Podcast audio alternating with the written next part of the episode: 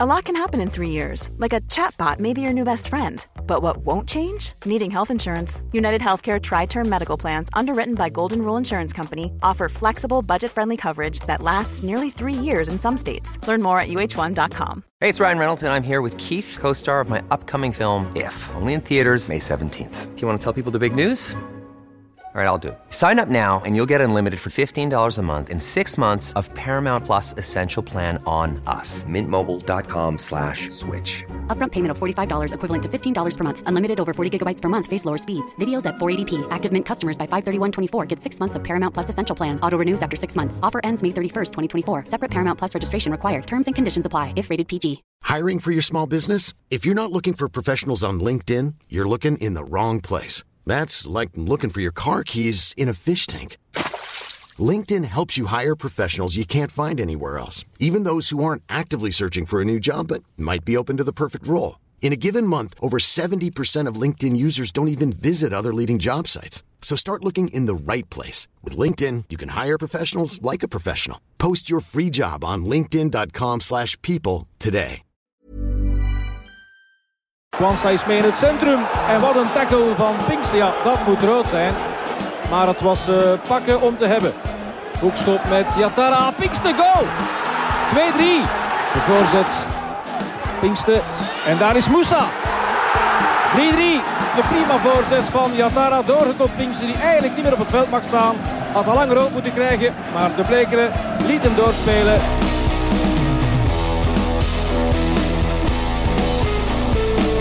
Welkom bij de Vierkante Paal, aflevering 122. En de intro gaf al een beetje prijs wie er vandaag bij is. En het is niet Omar Moussa, het is niet Ibrahima Yatara of Patrick Goots, maar het is wel Harald Pinkste. Dag Harald. Goedenavond. Uh, en er is ook een fan bij. Ja, wacht, ik ga nog eerst onze, onze tweede gast voorstellen. De, een fanboy, de Hans, is ja, er ook bij. enorme fan, enorme fan. Ah, voilà, ja, super. Vor, vorig seizoen mochten we zo elftal van... Uh, van ooit maken hè, voor Eleven. En dan uh, had ik een centrale verdediging, een driemansverdediging. Harold Pinkste, Karel de Smit en Richie de Laat. dat is zo'n verdediging, daar zijn we nooit klaar mee. Nou moet ik nog een manier zoeken om Sik ertussen te krijgen, maar allee, ik wil gewoon zeggen, Pinkste, dat is voor mij echt, ja, dat was, dat was mijn idool vroeger. Hè. Dank u wel. nee, wat wou jij daar, daar net nog zeggen, Harald?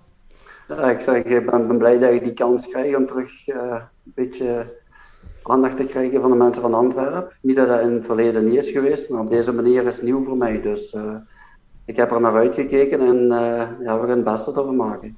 Ja, sowieso. Is dat, is dat iets dat dan nu minder gebeurt, dat je minder in het stadion ook komt of zo? Of, of helemaal niet meer? door, door tijdgebrek, ik heb tot februari zelf nog gevoetbald.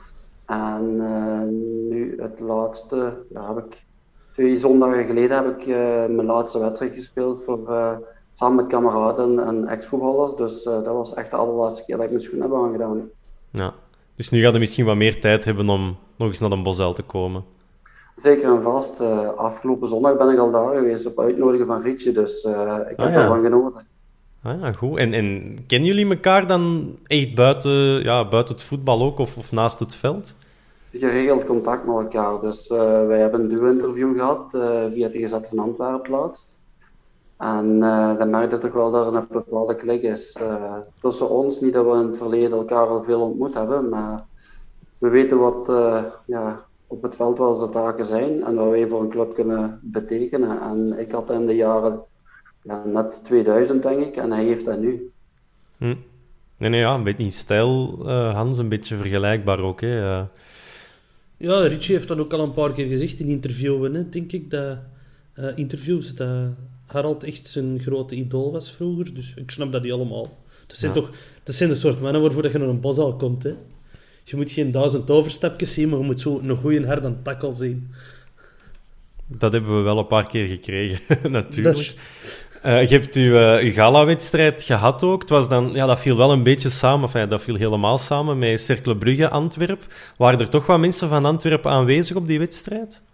Ja, er is een beetje een connectie met mijn oud ploeg. Nijlen ook, waar ook mensen van Nijlen in Antwerpen gingen kijken. En die hebben toen toch wel bewust gekozen voor mijn gala-wedstrijd in plaats van naar Cercle Brugge te gaan. Dus oh, ja. dat is toch wel iets speciaals dat ze zo'n wedstrijd annuleren voor ja, mijn laatste wedstrijd in principe.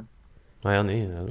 Hans was er wel bij. Het is niet dat, dat er zoveel te zien was. Dus misschien dat ze bij u nog wel uh, een fijne voetbalmiddag hebben kunnen beleven. Dat, ja, uh... voetbalmiddag misschien iets minder hoogstaand. Maar ik denk dat, dat we toch wel veel plezier hebben gehad. Maar in Brugge was het ook niet hoogstaand, dus uh, daar moest het niet voor doen. Dat heb ik kunnen lezen en kunnen zien van bepaalde reacties van spelers en mensen rondom. Ja. Dus ja. Uh, ik, heb, ik heb eigenlijk niks gemist op tv, blijkbaar. nee, nee, absoluut niet. En daarna was het dan nog dikke feest of uh, tot in de vroege uurtjes, ja. Ja, niet echt vroege uurtjes, omdat we toch op tijd uh, zijn begonnen. Ze zijn in eerste instantie met een, een wijndegustatie begonnen om één uur, dus... Mm. Dan moeten zelf om drie uur nog... Ja, we hebben uiteindelijk toch 80 minuten gespeeld, dat heb ik dus toch wel wat 80 gespeeld. En daarna zijn we toch even uh, doorgezakt met, met z'n allen. Dus. Dat was de bierdegustatie daarna? Ja, dat kunnen we toch wel noemen. Dat zijn toch verschillende toch wel handen en voeten naar huis gegaan. ja, zo moet het. Hè. Dat is uh, de charme van het, van het ja, voetbal in de lagere reeksen. Um, toen dat we elkaar gisteren belden, dan zei je van ja, ik moest maar een paar kilometer fietsen naar huis. Wat doe jij, wat doe jij nu zoal? Waar ben jij nu mee bezig? Ik uh, werk een negentiental jaar, nee, ja, negental jaren werk bij CSM, dus uh, metaalconstructie. Eigenlijk alle ongewone metaalconstructie die, die gemaakt worden, achtbanen, grote bruggen, uh, gerechtsgebouwen, dat, dat maken wij. Dus eigenlijk wel ja, niet in het gewone dagelijkse leven geproduceerd wordt, dat doen wij in de metaalsector. De Hans was al aan het lachen, ja. ja. Hebben jullie dan ook het dak op de bos al gemaakt? Of, Nee, ik ga er heel weinig over zeggen, want er zijn mensen al op een plaats gezet, uh, heb ik gelezen. Dus uh, die filmpjes gepost hadden op, uh, op Instagram en, en Facebook. ik denk wel dat, dat je weet over wie dat ik het heb. Ja, ik denk dat we mee zijn. Die hebt zijn vingers getikt, dus, maar ik denk, dat, dat, dat kan altijd gebeuren. Maar wij, een paar jaar geleden hebben wij de Piet ondersteld bij de Efteling en zo. En Splash bij Walibi hebben wij gemaakt. Ah, ja, wij zitten eigenlijk over heel de wereld. Ah, ja. En, en, jij dan ook, of jij blijft niet voornamelijk in België? Ik blijf uh, voornamelijk in België en uh, ja, ik ben een beetje ja, ploegleider uh, van een 15, 16 personen bij mij in de hal. Ah, ja. die eigenlijk het produceren tot werkelijkheid maken. Hè. Ja, maar nee, nice. Moet ook, ja, moet ook gebeuren. Staat er niet elke dag bij stil natuurlijk. Maar ja, indrukwekkende job. Waar dat we in ja, zeker. Uh, waar dat we natuurlijk ook voor zitten, dat is om het, uh, ja, om het een beetje over de Antwerp te hebben. En zeker over uw uh, jaren bij de Antwerp. Want ja, het zijn er toch een paar. De Hans had net, voordat we in opname gingen, nog eens even de, ja, de wedstrijden opgesomd. Wat ons ook wel meteen opviel, jij speelde precies alle oefenmatchen mee. 13, 14, 10, 15 stuks. Dus ik denk niet dat er ja, zonder blessures of schorsingen, dat, ja, je stond er altijd. Ja, dat, ik denk dat dat ook wel een kenmerk voor mij was. Uh, een, een, goede voorbereiding doet ook een, een, een competitie toch wel uh, de toon zetten. Uh, als je dan een deel moet missen van de voorbereiding, denk ik ook dat je veel moet inhalen tijdens de competitie en dat is niet al, altijd haalbaar. Mm -hmm. En de, de, soort spelstijl die ik had, kwam daar voor mij toch wel echt terecht dat ik alles zoveel mogelijk speelde. Ja.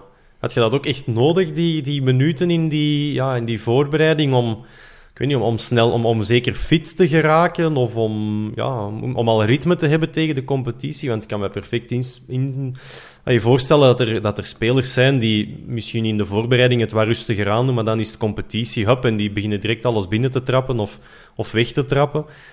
Hoe, hoe zat dat dan bij u? Een soort type spelers als mij, dus ik, eh, ik had het altijd meer van mijn fysieke nodig.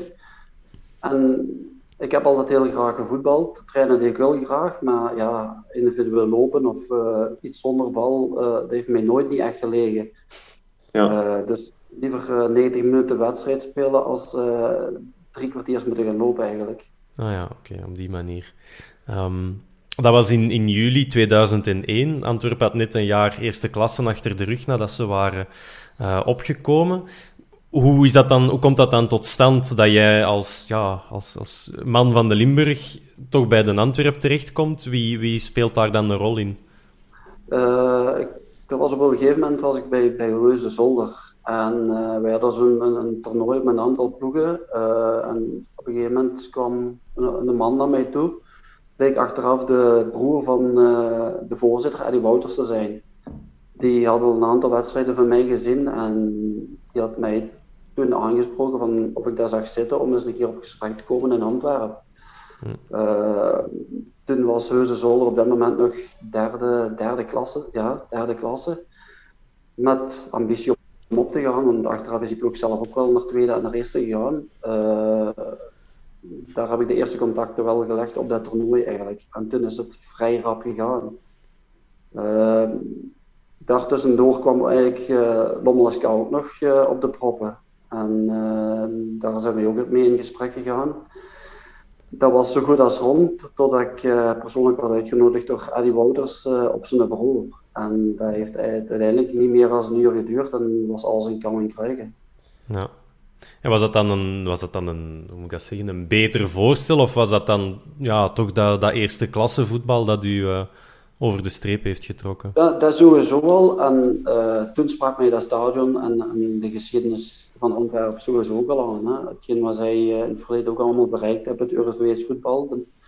De, mensen die er allemaal gespeeld hebben, die hebben toch altijd uh, ja, heel veel betekend in Belgisch voetbal en buitenlands ook. Dus het heeft mij het, het, laatste duwtje wel gegeven. En dan spreek ik niet altijd over het financiële. Want ja, financieel als jonge kerel moet je dan, als je die stap kunt zetten, niet altijd meteen aan denken. Mm -hmm. Nee, nee, absoluut. Er, in die ploeg uh, ja, ook even moeten opzoeken, want ja, ik was er toen amper negen op, in dat seizoen dat jij tekende. Dan Hans zou ook een prille tiener geweest zijn. Uh, 11, 12, dat is het eerste seizoen dat ik op de Bosal ben gekomen. Dus ik heb eigenlijk samen met Pinkste mijn debuut op de Bosal gemaakt, zo hetzelfde seizoen. Ja, dat hebben we, dat, dat hebben we gemeenschappelijk. Ja, en dat dat hier allemaal samenkomt, is prachtig. Hè? Nee, de mannen die dan vertrokken waren, dat waren Anne Jonas de Roek, Seol, Mampai, Da Silva. Wat, nee, Seol, was, Seol was er nog. Die ah, is dat seizoen gekomen. Ah, dan heb ik mij net van... Uh, ah ja, oké, okay, wat. Die was er dus bijgekomen. Maar was dat dan om... Zijn dan gehaald om echt te spelen? Of, of wat, wat, hebben ze, wat was hun, hun plan met u?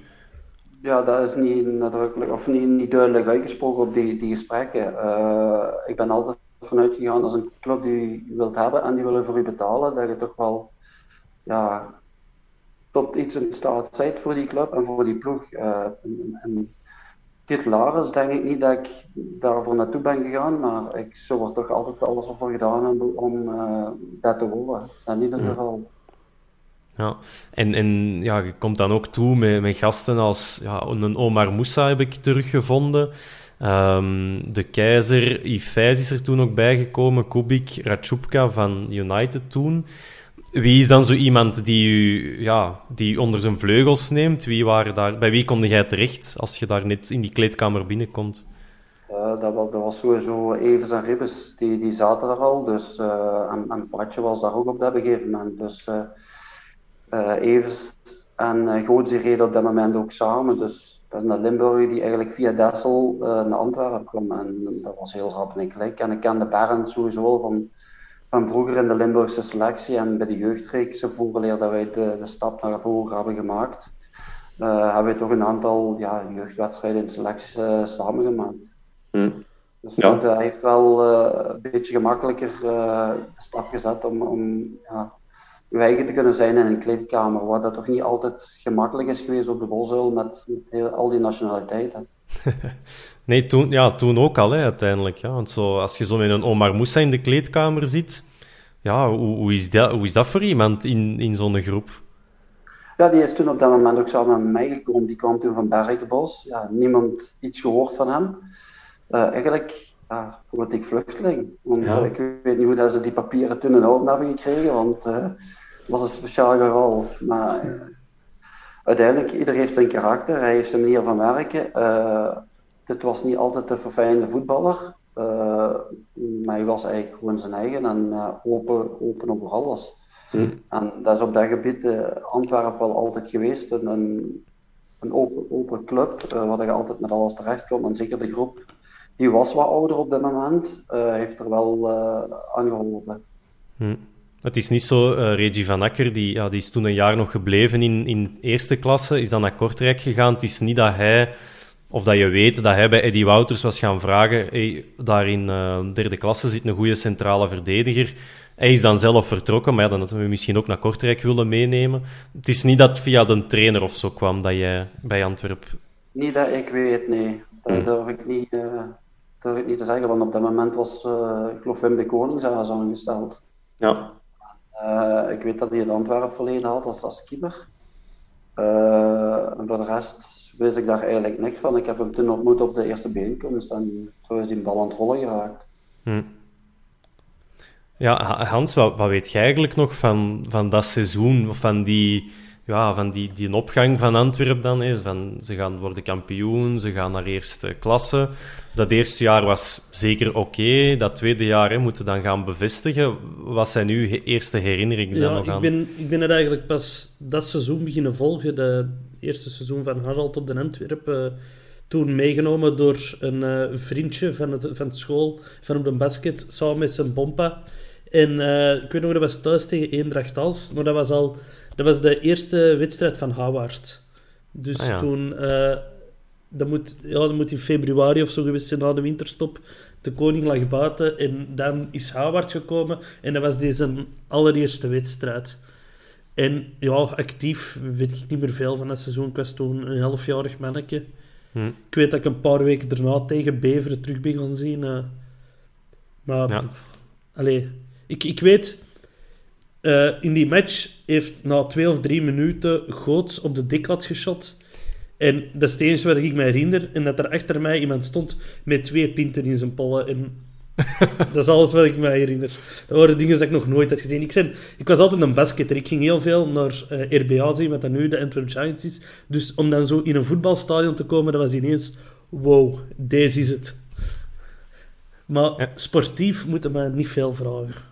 Nee, nee, dat kan ik ook niet. Uh, ja, dat, dat, was ook bij mij. Ik was toen ook een jaar of negen. Um, ja, ik weet ook nog de, met de, de, derby dan, dat was aan het jaar nadien, of die derby dan toch, dan was ik, uh, dat was een verjaardagsfeestje van een vriendje en de voetbal stond daar dan wel op. Ja, en toen heb ik dat dan zo wat mee kunnen volgen. Dat was dan ook nog in de buurt van het stadion. Daar stond daar vol met waterkanonnen overal, uh, ja, overal daar rond. Maar goed, daar komen ze biedt nog wel toe. Dat zal zeker de hoofdbrok van, uh, van ons gesprek worden. Ik wou wel nog eens weten, Wim de Koning ja, is nu ja, toch wel een, een gerespecteerd analist en volgt en doet ook heel veel sport. De Hans is niet helemaal akkoord. Uh, maar hoe is, hoe is zo iemand als trainer? Of hoe was hij toen als trainer, Wim de Koning? Uh, qua veldtraining en zo had ik het helemaal geen probleem. En, qua tactisch vlak zag hij het ook wel, maar ik kon het heel moeilijk overbrengen aan een groep. Hmm. En eh, misschien heeft dat te maken met bepaalde karakters in de groep op dat moment, die ja, uh, toch wel de promotie hebben gemaakt met Antwerpen, wat niet niks is uh, op een club. En ik geloof dat Wim de Koning toen zijn eerste job was als, als hoofdtrainer. dus hij moest zijn eigen nog gaan bewijzen en hij heeft daar denk ik een aantal stappen gemist of ze hebben hem meteen voor de leeuw gegooid. En daar is hij nooit niet te boven gekomen. Terwijl dat we toch in het begin toch een aantal vrij behoorlijke resultaten hebben gehad. Uh, wat we eigenlijk op Anderlecht net verliezen bij de openingsmatch met, uh, met 1-0 geloof ik. En thuis winnen we tegen Genk met 3-1. Dus denk ik een 4 op 6. Uh, dat je dan niet mag klagen als coach tegen die ploegen op dat moment. Maar mm. na de rand hebben we niet meer veel gehaald. En toen heeft toen Wouters ook vrij rap de knoop doorgehakt voor uh, Wim de Koning buiten halen en Richard van Akker uh, Hank Howard terug te gaan halen. Mm dat kun je gewoon niet vergelijken met elkaar. Henk Howard en, en, uh, en uh, Wim. Wim de Koning. Uh, dat kun je gewoon niet vergelijken qua palmares uh, op trainerschap. In welke zin dan? Gewoon, uh, Henk kan gewoon de, de, zwepen, de, de, de klappen van de zweep. Dus, en, en dat is gewoon heel belangrijk. En zeker in eerste klas. En die nationaliteiten, die karakters.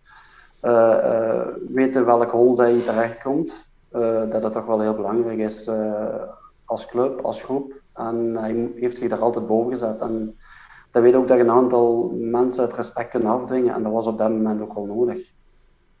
Want was, was er dan zo wat, ja, moet je dat zeggen? Ja, het draait niet goed, dan is het, dan is altijd zo in een groep waar ja, de ene vindt dat dat moet spelen, de andere niet.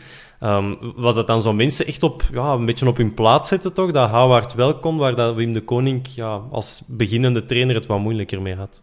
Ja, dat klopt. Dat klopt. Uh, mensen echt wel durven uh, met de vinger en durven te wijzen en op hun plaats zetten. Uh, en diegenen die een aantal weken niet achter elkaar ook al wat ze betekend hebben in Belgisch voetbal, dat maakt hem niks uit. Dus dat vlak heeft dat wel een schooleffect effect gehad bij ons in de groep toen.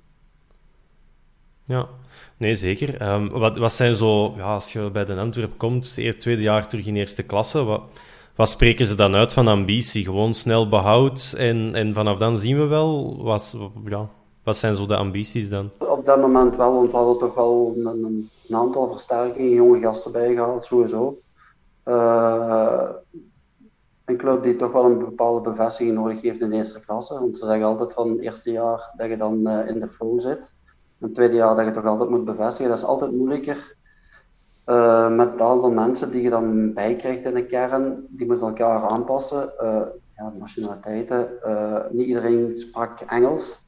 Dus dat maakt het voor iedereen moeilijk. zowel voor de spelersgroep, voor de trainers, ja, heel de club. En ik denk dat we daar wel op een gegeven moment een probleem mee gehad hebben toen het wat minder liep. Hm.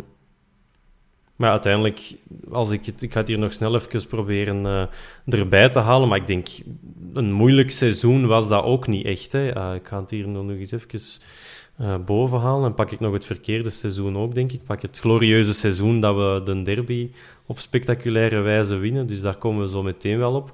Maar hebben jullie, ja, na die winterstop, hoeveel, ja, wat herinnert je nog van die, van die fases dat je eigenlijk veel punten begint te pakken? Ja, dat, dat was door het aan Houwaard op training daarin, waar ik bij de groep waar gewoon heel belangrijk was. En uh, dat niet altijd met schoon voetbal moest zijn. En uh, dat, dat op een gegeven moment wel uh, de, de mouwen stropen was. En ja, het kenmerk van Antwerpen gewoon ook zo is. En dat zal zo altijd ook blijven. op de bos moeten nooit niet klaar zijn met, met de ploeg die op veld staat. En dat heeft wij wel afgedwongen bij ons, uh, hele speelsgroep en ook uh, bij de sporters, wat ook heel, heel belangrijk is. En op een gegeven moment werd hij toch wel op handen gedragen. Ja, nee, ik heb het hier eh, er net nog eens bijgenomen. En Antwerpen wordt zestiende dat seizoen voor Eendracht Aalst en voor KSK Beveren. Daar zit ja, tussen Antwerpen en Aalst zit dan nog wel tien punten, dus waarschijnlijk ja, helemaal van onder moeten ja, beginnen. Dat is ook het seizoen dat Aalst moet degraderen, volgens mij. Hmm. Die zijn uh, failliet gegaan dat seizoen. Ah ja, oké. Dus dat, dat, was al een risico minder. ja, dat ook. Een zekerheid. ja, dat zeker.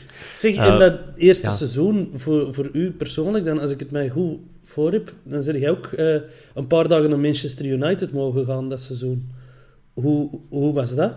Ja, dat is een beetje verschieten voor, voor een jongen die daar uh, eigenlijk nog maar, want dat was geloof ik november november was dat, want toen hebben wij op Gent gespeeld. Daar heb ik toen twee keer gescoord, heb ik mijn derde gele kaart gehaald. En uh, toen kwam Christian na de wedstrijd af dat hij uh, de uitnodiging gehad heeft voor mij om een aantal dagen mee te mogen trainen bij Manchester.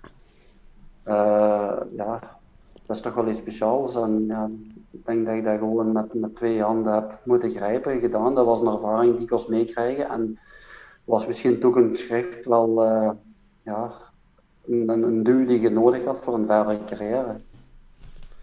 En bij wie stond je dan op training van United? Ja, dat was toen een, een heel moeilijke situatie, omdat zij toen uh, Champions League ook zaten in die week dat zij uh, thuis tegen Leverkusen speelden.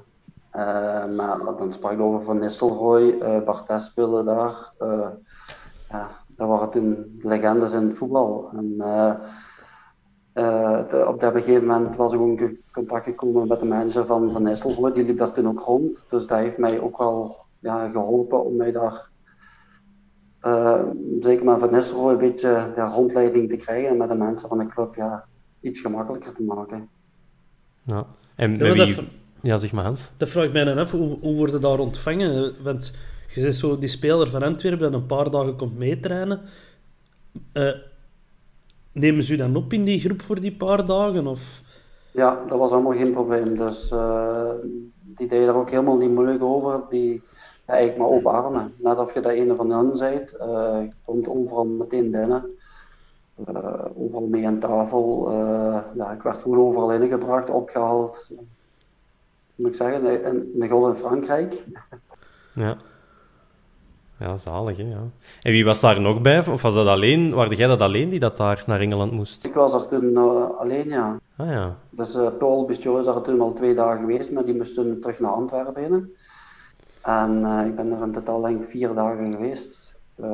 twee dagen een beetje in de schaduw van Paul, omdat hij daar de mensen toch wel, wel kent. En ik meer op het veld, want wij trainen daar ook gewoon twee keer per dag. En dat was ook de fitness in. En, ja, eigenlijk hetzelfde als dat wij toen in, Antwerpen alleen deed ik het dan op, op, op veld van Manchester. Ja. Uh, ik heb daar toen ook de mogelijkheid gehad om rondleiding te krijgen in het stadion. Uh, als, je dan, als je dan weet dat die daar dat jaar ook Champions League, uh, ik weet niet of ze dat gewonnen hadden, of wel heel kort erbij zijn geweest. ja, daar toch geweest zit en toch met die mannen samen aan tafel had gezeten, ja, dat is wel iets speciaals. Ja. Wie zijn daar zo de... Ja, Van Nistelrooy was dan, ik zal zeggen, uw, eh, uw buddy op dat moment. Ja. Ja, ja wat, je moet nu niet misschien... Alhoewel, je moogt, hè, ik wou zeggen, je moet niet alles vertellen. Maar wat, ja, hoe, hoe zijn zo'n topvedetten tegenover elkaar, tegenover u, tegenover... Ja. Eigenlijk, eigenlijk heel gewoon. Uh, ik denk dat uh, zij op dat moment ook wel een hele nuchtere groep hadden. Zij waren gewoon een van de betere ploegen van, van heel de wereld op dat moment. En dat kunnen niet op stoel banken steken. Uh, zij stonden ook wel voor een heel belangrijke wedstrijd in de Champions League. Dus zij hadden alle focus op die, op die wedstrijd, op die trainingen. En uh, ja, zij doen daar heel gewoon. Uh, zij komen ook voor een job, zij komen ook voor hun geld. Zij moeten hun familie ook onderhouden. Hè. Hm. Dus ze weten uiteindelijk wat er voor hen op het spel staat en voor de club. Ja, nee, nee, zeker. Dat is, dat is helemaal waar. En dan, als ik, ja, als ik het goed begrijp, had jij dan een schorsing op dat moment. Dus jij was dan ja, een paar dagen off-duty. Ja, het weekend uh, erop hoefde ik niet te spelen. Want anders was het heel moeilijk te regelen om pas donderdag of vrijdag terug te komen. En dan uh, misschien niet te trainen. Of één keer te trainen. En dan kost het dan niet maken. Ah ja, oké. Want dat viel mij ook op. Nu hebben we het over een schorsing. En dat is een aantal gele kaarten. Maar rode kaarten heb je eigenlijk niet veel gekregen hè, bij Antwerpen.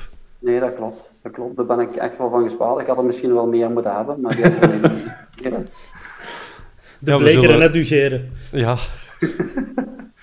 ja, ik weet niet. Ik lag misschien goed, uh, goed bij die scheidsrechters een die tijd. Ja, moet zijn. Uh, nee, dat, dat vond ik heel, uh, heel opvallend. We hebben er twee gevonden, hè, Hans. Uh, dat twee. We, twee in de competitie. Ja, ja, en eentje ook in een, in een vriendschappelijke wedstrijd. Dus dat zegt ook al wel iets. weet je daar toevallig tegen wie of hoe of wat? Nee. Dat hoef ik niet te zeggen. Dat is, die rode kaart dat zijn dingen die je nogal rap voor, vergeet. En zeker als er twee zijn, zullen toch wel ja, toch niet veel invloed gehad hebben op mijn carrière. Nee, nee, zeker niet. Maar zo eentje in een oefenmatch, ja, dat, dat vind ik dan wel speciaal. Dat was blijkbaar tegen Beitar Jeruzalem. Was dat dan een strenge scheidsrechter of was dat, ja, was dat echt een smerige fout? Ja, dat durf ik echt niet te zeggen. Daar kan ik me echt niks van herinneren, maar ik weet dat ik daar wel tegen gespeeld heb. En dat was ja. op een dubbel. Ja. Enfin ja, bon, maakt zoveel niet uit. Het, is, het heeft inderdaad geen, uh, geen impact op uw carrière gehad. Um, toen, dat we, ja, toen dat we aankondigden, niet echt, maar toen dat we zeiden dat we vandaag zouden opnemen, dan kregen we een vraag van Bob. En die zei, ja, nou, doe maar een podcast van 3 uur en 2 uur 55 minuten over ja, 3 november 2002 zeker. Uh, ja, de grote, de grote derbydag. Ja, ging zeggen de grote Harald Pinkster show. Ja, dat ook. Dat ook. Ja, die hebben er achteraf wel van gemaakt. Ja, dat heeft je er vooral op het veld zelf van gemaakt. Dus, uh, nee, maar zo, ja, je komt eigenlijk in die wedstrijd uh, in een, na een moeilijke periode gepakt 1 op 15. Dat ene punt weliswaar thuis tegen Club Brugge. Hoe is dan de opbouw naar zo'n derby? Ja, de, de weken op voorhand hebben wij serieus zwarte sneeuw gezien. Dat, dat je gewoon niet niet achterlaten, zoiets. En uh, ik denk dat we toen ook wel, ja, niet wij alleen, maar ook uh, Henk Howard op dat moment gewoon met mes op de keel stonden. Uh, we weten tot waar de mensen van Antwerpen staan zijn. Uh, trainersontslag, sporters die nog wel eens ja, minder goed in daglicht komen, dat dat ook wel eens op de spelers terecht kan komen. Dus we hadden eigenlijk uh, niet alleen voor ons eigen, uh, niet alleen voor de trainers, maar voor heel de club, voor heel Antwerpen, voor alle sporters van Antwerpen, hadden wij op die wedstrijd alleen maar alles te verliezen. Hmm. En daar hebben we op het moment, vanaf maandag, hebben we daar ook meteen voor gewerkt, alle koppen bij elkaar gestoken en gezegd van dat is een datum die al voor iedereen van het begin van het seizoen in de agenda staat. En, de manier waarop dat wij die gaan winnen, uh, maakt niet uit. Uh, maar als dat, die drie punten op de bol zullen blijven, dat is het belangrijkste. Ja. Uh, en, en ook supporters gezien dan tijdens de week? Of nee, dat, dat, ja, toch? ja, daar hebben zij toch een aantal acties. elke training stond er weer. Op een gegeven moment was er zelf politiebescherming. daar zoveel supporters langs de lijn stonden, daar toch alles veilig ging verlopen. Ja. Ja, dat, ja, dat staat er wel op scherp natuurlijk. Hans, waar jij er toen ook bij? Of, of was dat nog iets... Nee, nee, ons, ons mama vond dat te gevaarlijk. Ik wou zo graag gaan, maar dat was te gevaarlijk. En, en we hadden geen Kanaal Plus thuis, dus ik moest dat zo op teletext volgen. en bij die 0-3 denk ik buiten gaan shotten. En uh, dat was een heel schoon verrassing na de match dan. Dat ik, uh, ik woon wel zo... Toen woon ik uh, vlak aan het vliegplein en die, die helikopters die vlogen maar aan en af, dat weet ik nog wel goed van die ene dag. Maar voor de rest, uh, ja... Ik heb uh, vanmorgen nog eens uh, naar de samenvatting gekeken. En ik denk dat ik ze bekend van buiten ken. Ja, ik word er nog regelmatig over aangesproken. Dus ja. op, op, op Telenet komt hij nog wel eens regelmatig te overschijn. Ja, ja, sowieso, dat zie ik ook. Uh, mannen kussen elkaar, iets wat je normaal alleen maar in Wallonië ziet. Dat vind ik zo, zo top in zo'n samenvatting. Hè? Maar we zullen bij het begin beginnen. Dat ook wel op zijn plaats was op dat moment. Hè? Ja, tuurlijk. Sowieso. Goh, heel ik had er geren bij geweest. Ik had er geren bij geweest. Heel veel warmte. Uh, ja, zoals dat je zelf zegt, Harald, je wordt er één veel op aangesproken. Er is over die ene wedstrijd een documentaire uh, gedraaid op Telenet. Ja, wat kennen we eigenlijk nog niet van die wedstrijd? Wat zijn dingen waar dat je eigenlijk zo misschien in je zetel eens aan denkt dat je zegt van, goh, ja, dat was één tijdens de wedstrijd of na de wedstrijd. Dat, dat is zo, ja... Wat heb je nog allemaal gezien na die uh, Wij na zijn die op, op, dat moment ook, uh, ik denk... Uh, wacht, de dag voordien zijn wij op afzondering vertrokken. In Ant ja, getraind op de Bosel en dan gingen we in het hotel in het centrum van Antwerpen gingen we slapen. En op een gegeven moment, twee of drie uur s'nachts, een op vuurwerk en bagals vuur. En waren blijkbaar sporters te weten gekomen dat wij daar bleven logeren. En, uh, Van Beerschot dan? Misschien, ja. Ja, maar ik hoop, ja. Die, uh, die uh, zijn te weten gekomen dat wij daar zaten, dus die probeerden onze nachtrust uh, te onderbreken. Maar dat waren toen vrij rap de politie en alles ter plaatse en was dat vrij rap ook onrustig geworden. En hebben we toch eigenlijk achteraf toch wel een optimale voorbereiding gehad naar de wedstrijd en nog eens extra geprikkeld om, om die wedstrijd te winnen. Ja. Um, en dan, dan vertrek ik dus middags op, uh, op, op de hotel en dan uh, richting een boswel komt dan ja, in onze ogen alleen maar Antwerpen er tegen. Ja. Uh, ook elk kruispunt stonden die op dat moment ook. En ja, dat is een ervaring die, die je altijd bijdraagt en die je nooit, nooit zult vergeten. Nee, zeker omdat het verhaal van de wedstrijd, wedstrijd ook behoorlijk uniek is. Ja, het wordt eigenlijk heel snel 0-1.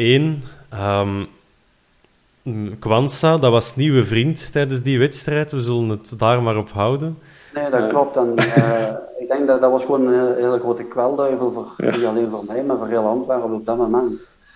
En dan ongelukkig dat we dan in het begin met ja, mistasten van die feest, dat we dan die, dat eerste doelpunt tegenkrijgen. Uh, dan loopt dat al achter de feiten aan en uh, daarop volgde rap die, die 2-0 en niet 3-0. Ja, dan, dan denk je bij van uh, wat een namiddag gaat dat worden. Ja, nu, Stefan van Look zegt ook in zijn commentaar, ja, het is pakken om te pakken. Dus ik probeer me dan in te beelden. Je, zie, je, je voelt, is hier naar de goal aan het stormen. Je ziet die baklijn waarschijnlijk ook dichterbij komen. Is dat echt denken van, ja, ik moet hier ik moet hier aan de noodrem trekken, dan is het maar 0-1 en dan is het maar met 10 verder doen? Of, of is het gewoon, denkt van ja, nu, nu, ja, wat gaat er in godsnaam door uw hoofd op zo'n moment? Uh, niet veel, maar even slecht uit. dat was duidelijk. Dat wel, dus, want ik denk als je dat, ja, wat zij nu die video hadden, ja, dan, dan denk ik dat je met vier, vijf weken niet toekomt. Uh, en ik ben er ook heel eerlijk in dat, dat Frank de Breker op dat moment ook wel uh, Harold Pinkster goed gezind is geweest. Uh, dat ik zowel uh, had mogen blijven staan. Jammer genoeg scoren zij daar die 2-0 door, ja. door de vrije trap en een rebound. En iets daarna, dan maak ik weer een fout, krijg ik nog geen geel. Ja, dat was normaal mijn tweede geel geweest, krijg ik geen geel. Dus eigenlijk op die twee fases had ik twee keer rood verdiend. Ja. ja. Want voor, voor, voor de opname waren we er ook over bezig bij de 0-3, die fout op Quense. Ja. Dat, dat kon ook gerust rood zijn, hè? Ja, daarom, daarom juist. Ik zeg twee fenomenaal keer hoe dat zo... Ik heb nog één keer geel gehad, hè. Twee keer ervan ondermaast. Tussendoor nog even een schelleke 100 gram pakka meepakt. En ja, oh, fenomenaal, hè. Ja. Zeker verder in de wedstrijd. Ja, absoluut. Ik denk, ik denk dat dat voor hun ook wel... Uh, eens zo zuur aankomt. Iemand die normaal uh, al lang gedoucht en terug in Limburg moet zitten, uh, er toch nog op staat en dan ook nog uh, scoort en assist geeft. Dus ja, dat is, heel zuur geweest. En dan, ja, oké, wordt dan, er gebeurt nog wel iets voor de rust, maar zo'n de Bleker, komt hij dan eens een keer zeggen van, amai, hier zijn goed weggekomen, of, of ik had u rood moeten geven, of na de wedstrijd? Komt hij daar nog op terug? Zeker en vast, nee, daar is hij niet meer op teruggekomen. Dus uh, ik denk dat hij wel uh, serieus aangepakt is uh, toen hij naar de kleedkamers ging door mensen van Beerschot. En terecht, terecht ook. hij heeft zijn job toen ook gedaan. hij was denk ik nu ook nummer 1 van België op dat moment, samen met zijn, met zijn vlaggenmensen deze ook uh, wereldbekers en, en zo vlaggen. Dus ik denk dat hij ook wel bij zijn standpunt gebleven is. En uh, kan hem ook niemand niet uh, van de wijs brengen. Terwijl ze achteraf via Kanaal Plus toch nog wel een aantal vragen over die ja, cruciale fases gesteld heeft. En daar blijft hij toch heel nuchter in. Dus hij op dat moment ja, gewoon een voordeel van mij gevoeld. Toen, toen mocht een arbiter tenminste nog geïnterviewd worden. Ik, ik mis dat nu echt zo na de match, dat ze dat ze die scheidsrechters interviewen. Ja, die, die zijn ook meer beschermd geworden. Hoor. Uh, ik denk dat er in het verleden ook toch wel wat dingen gebeurd zijn naar die mensen toe en dat die toch wel terecht uh, beschermd worden tegen, ja, moet ik zeggen, uh, ongewenste agressie en zo. en dan standpunt wat jij zegt, jammer genoeg dat ze er niet meer bij betrokken zijn, ben ik ook volledig mee eens, want zij, zij worden soms in het negatieve beeld gezet, terwijl dat de mensen ook wel hun job doen en weten waar ze mee bezig zijn. Ja, en ook op zo'n veld, er wordt wel onder spelers en scheidsrechters gecommuniceerd, maar dan komt dat in een huiskamer binnen en de commentator zegt daar dan, ja, die zegt bijvoorbeeld, dit, begrijp ik niet, die beslissing, terwijl het er eigenlijk op dat veld een soort van ja, tegemoetkoming is van scheids naar spelers door te zeggen van ja, ik was nu verkeerd en had gelijk en ik zal erop letten volgende keer, maar ja, daar daar komt niemand nog op terug. Of ja, daar, daar kunnen ze zelf ook niet op terugkomen natuurlijk. Nee, zeker en vast niet. En, en je weet zelf ook hoe de, de, media daarop springt. Dat was die tijd juist hadden. En uh, dat is hetgeen wat de mensen graag horen. Hè. Ja. Uh, ja, over die fout spreken en uh, die 5-3, hoe dat gebeurd is, dat heel vooral op het veld, dat interesseert hen dan niet meer. Hè.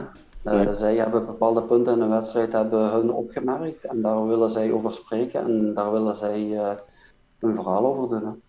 Ja, nee, nee, zeker en vast. Nu, ja, het verhaal van die wedstrijd is belangrijk nog niet geschreven, want ja, een minuut na de 0-3. En dan, de, de pas op Goots, is, komt die ook van nu? Ja, dat klopt. Dat klopt, die kwam op dat moment ook van mij. Ja. En, want er was zelfs in een tegenaanval uh, van Beerschot op een gegeven moment uh, dat hij zijn bal plukt en meteen aan de rechterkant doorgooide.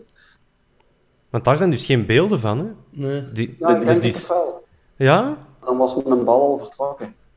Ja, maar je ziet een bal... In de samenvatting is er een beeld, maar dan is die, al, die bal al bijna bij Goots gezien, niet meer van waar het hem komt. Dat klopt, want dat was... Waar toen de, de Gouts waren, dat was net bij de Goud dat die bal vertrok. Hm. Ik denk dat een bal van, van 60 of 65 meter was geweest en dat, dat Gouts uh, eigenlijk met, met twee verdedigers in de rug naar de goal en dan over ons binnen trapt. Ja, dus, dus eigenlijk ja, officieel twee assists die wedstrijd. Um, ja, dan komt, komt de, de hoekschop zelf. Um, een beetje vergelijkbaar met, met Engels tegen Mignolet uh, van een paar weken terug. Ik moest al Hans juist hetzelfde denken. Ja. Ik, ik heb juist hetzelfde gedacht. Klopt, eigenlijk wel. Eh, dat, dat, het eerste jaar heb ik zo op, op eh, thuis tegen Genk ook gescoord. En eh, tegen Argent ook. Dus ik denk op dat moment ook wel een van mijn kenmerken eh, op het veld ook, dat ik daar vrij sterk in ben, of vrij sterk in was.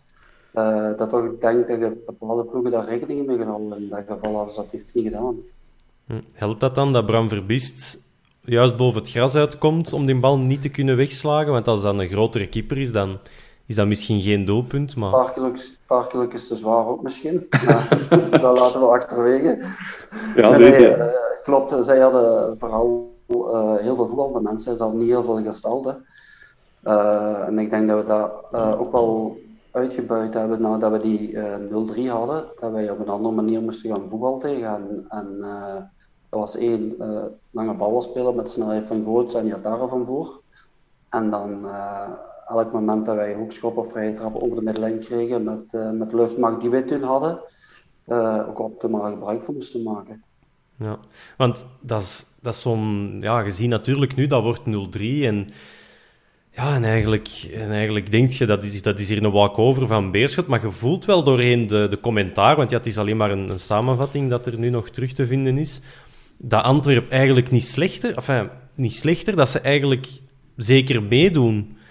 Eh, Voelt je dat dan zo aan op, hetzel- allee, op dezelfde manier op het veld? Nee, dat klopt. Voetballend lagen we op dat moment ook niet onder. Zij hadden ja, gewoon overmacht in, in hun spel, waar zij toen heel goed in waren. Eh, zij prikten op de juiste momenten en zij scoorden 100%. Waar dat wij eigenlijk ook al een aantal kansjes gehad hadden, maar wij ze niet bewust hadden. En Verbiest ook een, ja, op dat moment nog een heel goede wedstrijd keepte ook. Ja, zeker. In de tweede helft ook nog veel ballen, veel ballen moeten pakken. Wat dat mij dan ook was opgevallen bij het herbekijken van, van de beelden, dat je naar de, ja, je loopt naar iemand en met zo je vingertje van wijzen naar iemand en weet je nog naar wie dat je toen liep? Of, of is dat een verre... Nee, dat is gewoon bewust geweest. eh, ja, een trainer die ook onder vuur staat. Hè. Dus, en dat is gewoon nodig. Eh, iemand die, die achter u staat, eh, die heeft ons ja, ook op scherp gezet. Hij heeft moeilijke tijden gehad. Wij hebben als groep moeilijke tijden gehad. En eh, als je op dat moment dan kunt scoren, dan denk ik ook wel dat het belangrijk is dat je achter een trainer staat ook. En eh, ja, dat doet hem deugd en dat doet iedereen gewoon deugd. Ah ja, dus het was echt naar Howard dat je dan... Ja, zeker en vast. ah ja. Je, je hebt niet even getwijfeld om naar de Blekeren te lopen. Nee, toch niet. Toch niet. Ik was eh, gewoon zo blij dat we de- op dat moment kosten scoren, dat we 2-3 maakten. Eh, en dan, dan, dan merk je gewoon als, als speler, als, als groep, eh, dat hier meer in zit. En dat we dan bij Beerschot mes op keel zetten en ja, ze eigenlijk moeten opeten. En dat is wat Henk toen ook onder de half heeft gezegd van eh, we zitten terug in een wedstrijd, wij hebben alleen maar alles te winnen. Nu hebben wij alleen maar alles te winnen. Wij hebben ze nu vast en nu moeten we alleen doorpitsen. En dat hebben we gedaan. Dat is eigenlijk wel zot, want inderdaad, voor die wedstrijd denk je, ja, als we hier nu niet winnen zelfs, hè, gelijk spelen was misschien ook al niet voldoende, ja, dan, hebben we hier, dan zijn we hier alles kwijt. En eigenlijk in de wedstrijd, je staat 2-3 achter, denk van, nu gaan we er, nu, pakken die mannen gewoon. Eigenlijk is dat zot, hè. Dat was gewoon ook heel duidelijk eh vanaf de tribunes uit. eh, gewoon die, die, die steun, die, de, de lawaai, eh dat enthousiasme van iedereen op het veld, rond het veld, dat, dat gaf gewoon nog iets extra om te laten zien van eh, dat ze niet klaar waren met Antwerpen en eh, dat Beerschot eh, zonder punten naar huis ging gaan. Niet dat altijd eh garantie is geweest dat dat zo zou zijn. Maar op dat moment hadden ze toch al bijna op de knieën. En dat was nog maar net voor de rust, 45 minuten gespeeld, vijf doelpunten gemaakt. En ja, misschien met 10 man moeten staan, oké, maar dat was niet. Dus, eh, ja, de tweede helft gewoon terug begonnen en ze hebben eigenlijk geen schijn van kans gehad. Ze hebben nog een paar keer tegengeprikt, maar wij waren op dat moment gewoon zo dodelijk efficiënt. eh, met Jatara, eh Ziati, die speelde toen, ja, na minuut 20 begon hij gewoon in de wedstrijd te komen en dan was hij gewoon een geweldige voetballer. En ja, snelheid van Groot, Jatara van voor en op een gegeven moment is daar Moussa ook nog ingekomen. Dus eh, ja, dan denk ik ook, die wals over, over alles heen. En eh, achteraf gebleken, eh, wel een welverdiende overwinning. Terwijl we toch een hele moeilijke start hadden gehad. Ja, het gaat ook wel heel snel. Hè? Op een bepaald moment in de tweede helft van, van minuut 58 naar 64 gaat van 2-3 naar, naar 5-3. Dus dat is toch ook op dat moment ja, aan 100% dat er dan wordt afgewerkt. Maar ja, bon, het mag ook eens meezitten, zegt. Ja, ja, ja, hetgeen wat zij in de eerste helft hadden, hadden wij dan in de tweede helft. Alleen tot de minuut 58 was het gewoon heel belangrijk om zelf niks meer tegen te krijgen. En uh, gewoon heel efficiënt te zijn met de mensen die gevoerd en hebben gelopen. Hm. En dan, dan merk je gewoon dat zo iemand als Goots extra belangrijk kan zijn voor een ploeg. Dat op moeilijke momenten hij er toch altijd staat en dat je ze toch altijd wel binnen doet of wel uh, klaarkijkend is. Ja. Na die wedstrijd, ja, we weten allemaal hoe dat afloopt natuurlijk. Mhm. Ja, wat gebeurt er dan? Hè? Feestje in de kleedkamer waarschijnlijk. Om, om hoe laat heb je dan je bed gezien tegen de... Heel weinig, want wij hebben zondagsmorgens toen moeten gaan trainen. kan ook. ja, ja, ja, ja, ik denk dat we toen uh, in alle staten waren. En uh, ik denk dat Eddie Wouters toen ook wel van alles toegelaten heeft waar hij uh, achteraf misschien spijt heeft gehad. maar ja, hij heeft in een interview op Kanaal Plus toen zelf gezegd van ja, dat is, tien, is voor tien jaar geweest. Dus ja. oké, okay, wij hebben op één avond ook wel voor, tien, voor tien jaar geleefd op dat. Wat een gigantische snelheid. En is dat dan ja, is dat bij, bij spelers thuis of is dat op café in het centrum van Antwerpen of de Great Old? Waar, Waar komt dat dan allemaal terecht? Dat was noodzakelijk op het stadion zelf. Ah ja. Ja, ja.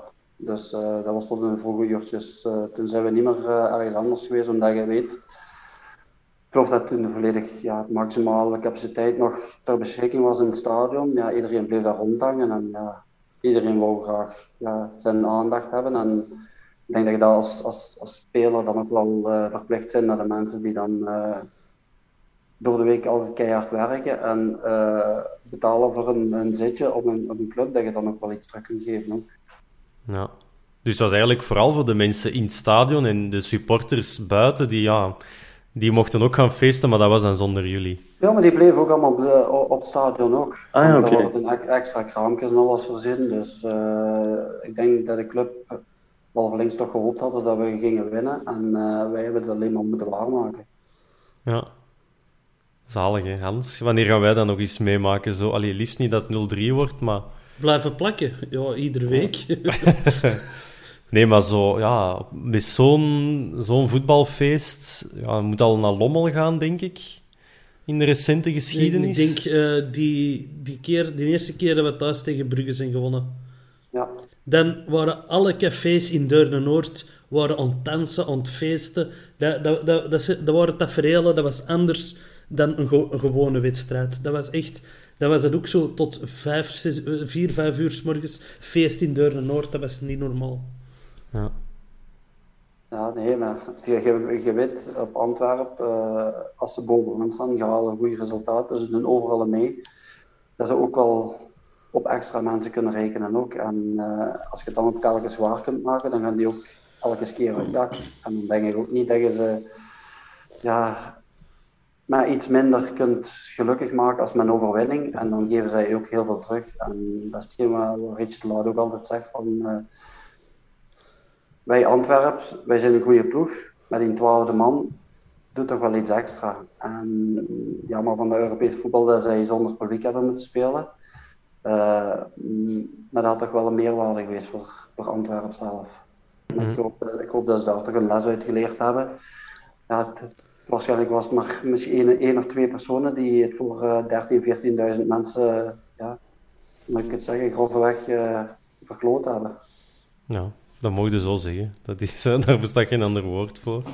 Uh, mogen we die, die wedstrijd of ja, die momenten, mogen we dat uw hoogtepunt noemen bij Antwerpen? Of pikt je er zelf nog iets anders uit? Ja, sowieso bij een van de, van de momenten ook wel. Uh, maar dan debuut op Anderlecht. Uh, nooit in de eerste klas gespeeld, van derde klas komen, uh, direct voor de leeuwen gegooid worden. Uh, toen op dat moment gewoon de beste an Anderlecht die er was, met Jan Koller en Radzinski. En ja, ik denk dat je geen, geen betere ploeg... In, ja, in mijn gedachten was er op dat moment geen betere ploeg. Dus dat, dat is al een hoogtepunt. En scoren als Limburg tegen Limburgse ploeg uh, hoort daar zeker bij in die periode dat ik in Antwerpen heb gezeten. En is dan, ja, Genk was dan niet echt een ploeg waar dat jij sympathie voor had? Of, maakte, of had je die net wel en maakte dat dan niet leuk om, om zo'n doelpunt te maken? Ja, zeker en vast als Limburger en gespeeld in Antwerpen. Ja. Uh, ook nog thuis, op een gegeven moment. Uh, dat we dan ook nog winnen met 3-1. Dat is toch iets speciaals. Dus uh, er is toen, denk ik, na het tweede seizoen was er zelfs sprake van voor, voor Evers en voor mij dan naar Genk te halen. En dan kwam, kwam Wouters ter sprake en dan wordt het een heel moeilijk verhaal. Dat is wel jammer eigenlijk, want ja, het zou dat wel een schoon verhaal geweest. Heb je eigenlijk veel mogelijkheden gehad om, om Antwerpen te verlaten? Ja, de, ja, het tweede jaar eigenlijk uh, uh, heb ik op punt gestaan voor naar Wolverhampton te kunnen gaan. Uh, dat was allemaal geregeld en op een gegeven moment belde Wouters toen met een manager op dat wij op vliegtuig instappen waren van agent alles te maken dat hij er niet mee akkoord ging. Dat ik in Antwerpen ging blijven. En waarom dan? Op dat moment hebben ze toen ook voor uh, Jelle van Damme gekozen. Die is toen naar Wolverhampton gegaan. Oh god, ja. En, en waarom heeft, is daar achteraf nog iets over gezegd? Van ja, we hadden geen vervanger of het was te weinig geld? Of is daar nog iets op over gezegd? Is niks specifieks over gezegd. Uh, helemaal niet. Dus, uh, en dat is net het jammer. Als er dan achteraf nog een duidelijk verhaal over was geweest, dan was dat misschien iets meer verzachtend geweest voor mij. Uh, want je bepaalt toch een, carrière van een speler die misschien al wat later gebloeid, opengebloeid is als een ander. Als je op 24-jarige leeftijd pas eerste klas kunt voetballen, dan als je dan na twee jaar misschien nog een stap hoger kunt doen naar, naar het Engels voetbal, ja, dan is dat wel zuur. Ja. En, en hoe was het voor de rest uw, uw band dan met Eddie Wouters? vanaf toen minder? Of? Nee, nee, nee, helemaal niet. Want uh, ik probeer wel uh, bij de clubs waar ik altijd geweest ben, uh, het correct, correct te houden. Dus je zit onder contract, je betekent voor een bepaald aantal jaren bij een club. Probeer die ook vol te maken en doe daar ook alles aan voor je eigen prestatie naar de club toe, dat ze je niks kunnen verwijten. Hm. dat is toen geweest, dat is niet op mijn laatste club ook geweest. zo zat ik in elkaar. Ik heb zelfs derde jaar koos ik terug naar, naar Huizen Zolder gaan. Die speelde op dat moment toen ook eerste klas. Toen is Liek Niels bij Eddie Wouters zelfs op de bol geweest. Uh, die had alle financiën gewoon ja, bij om alles in orde te maken. En uh, Wouters heeft er gewoon gezegd van ja nee, hij blijft. Hij heeft vijf jaar hier of vier, vijf jaar uh, getekend. hij blijft die vijf jaar hier en dan zullen we wel zien. Ja. Maar er is nooit niet gesproken over een verlenging of ja, na interesse of zo, dat is nog niet over gesproken. maar dat is dan wel een soort van, ja, zeg maar Hans. Hoe was dat derde seizoen? Want dat is het seizoen dat we uiteindelijk terug, terug degraderen. Hoe, hoe, hoe is dat mentaal om, om, om zo'n seizoen te spelen? Het is ook met, met al die 0-4's en uh, wat was het allemaal? Ja, toen, toen hadden we kwalitatief ook geen, geen goede groep, ook niet, helemaal niet. Heel veel blessures, heel veel jonge gasten die ze ook de kans willen geven. Ja, blessure, langdurige blessure. Eigenlijk een duiventil van trainers. Op, op dat moment, ik denk dat we op dat seizoen drie trainers gehad hadden. En dat is nergens niet goed voor. De Saire, Perazic en Grosjean zeker? Ja, klopt. Ja. En dat is, dat is nooit niet... Ja, voetbal is altijd is nodig dat je stabiliteit hebt. Dat je moet ergens op kunnen bouwen en uh, dat kunnen met één of twee trainers op een seizoen gaat aan. Als je met meer dan twee trainers moet gaan werken, je hebt er altijd een termijn voor nodig voor een bepaalde band of een bepaalde knik uh, met een groep te hebben. En ik denk dat die mensen gewoon niet de kans hebben gekregen uh, om dat te buizen en de tijd niet gehad om iets degelijks op veld neer te zetten. En, en um, ja, Howard vertrekt dan, de Sire komt in zijn plaats. Hoe, ik kan me daar totaal niks van herinneren, maar hoe is dat gegaan? Was dat een, een ontslag omdat de resultaten niet goed waren? Is Howard toen naar een ander ploeg vertrokken? Of... Dat durf ik niet te zeggen, maar ik weet wel uh, dat Henk Howard wel iemand was die, die uh, van respect hield. En ik denk op dat gegeven moment had hij geen respect meer van Wouters. Hmm. Ik denk dat de meeste mensen Eddie Wouters ook wel kennen, dat uh, een keiharde zakenman was. En Henk Howard die, ja, die wou alles doen voor een club en hij had het gevoel niet meer dat hij respect kreeg van de voorzitter en dat heeft hem ja, zelf tot, tot ontslag gezet. En ja, René de Sayer vond ik in mijn ogen ook geen slechte trainer, helemaal niet.